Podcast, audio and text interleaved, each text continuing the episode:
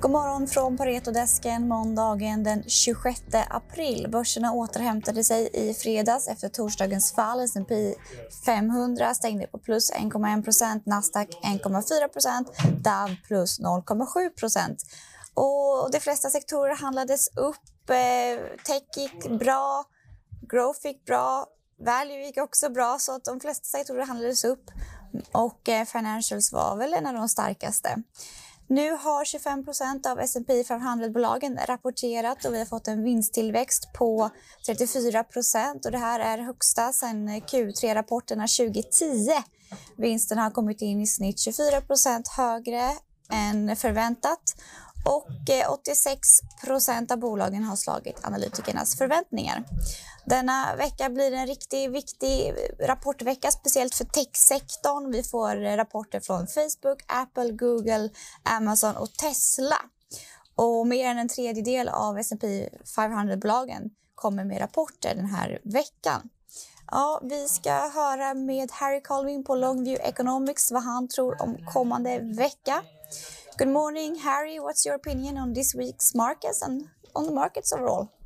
Yeah, I mean, generally we're we're we're reasonably positive. I thought price action was pretty interesting last week. You'll remember on Thursday, equity markets took a little bit of a knock on those leaks about Biden's capital gains tax plans.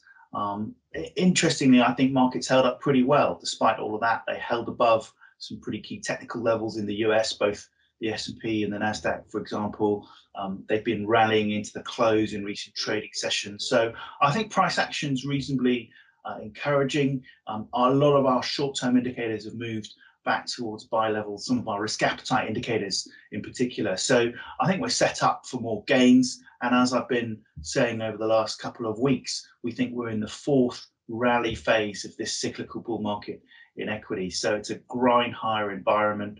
Um, and of course, occasionally you get a little bit of mini consolidation, a sideways move, a wobble for one or two days. And we had a bit of that last week. But I think that's all part and parcel of the normal rally phase uh, of, of, of an equity bull market. So I think that's what we're in now. So more gains to come. Do you think that value will continue to outperform growth?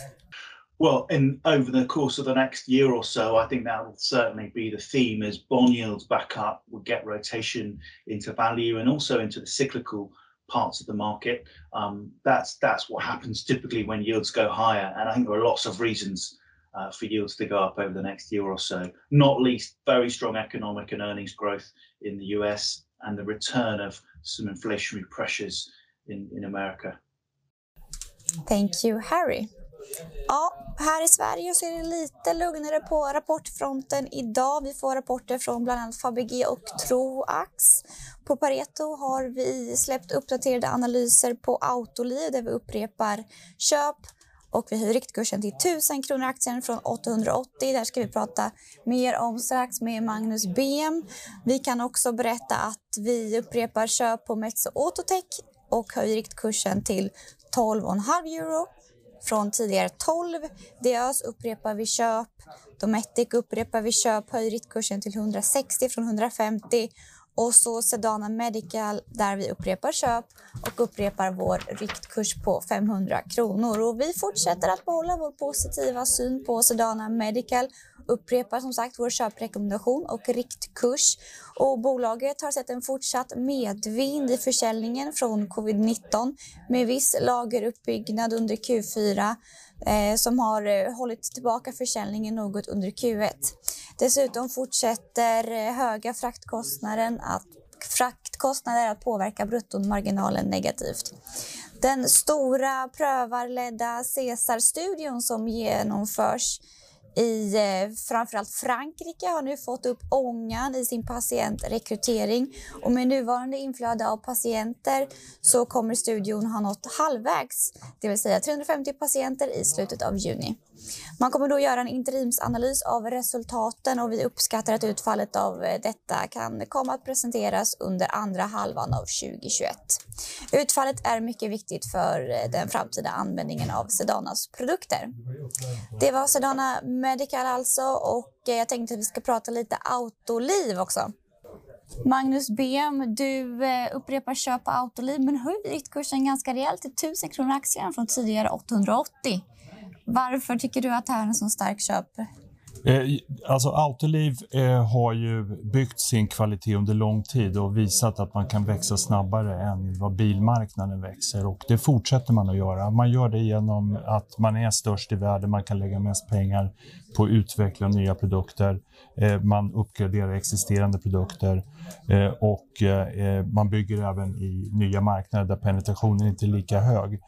Så att vi tycker att den här rapporten visar ju då när de växte 4% mer än bilproduktionen. Bilproduktionen växte 14, de växte 18 och med en marginal över 10 procent. Nu börjar man och man behåller sin eh, målsättning för helåret, vilket var positivt, trots att man har en del motvind från eh, råmaterial. Då. Eh, så att vi tycker ju att den, det här 2021 kommer eh, att sätta en bas att säga, för att man kommer kunna gå vidare mot ännu högre marginaler.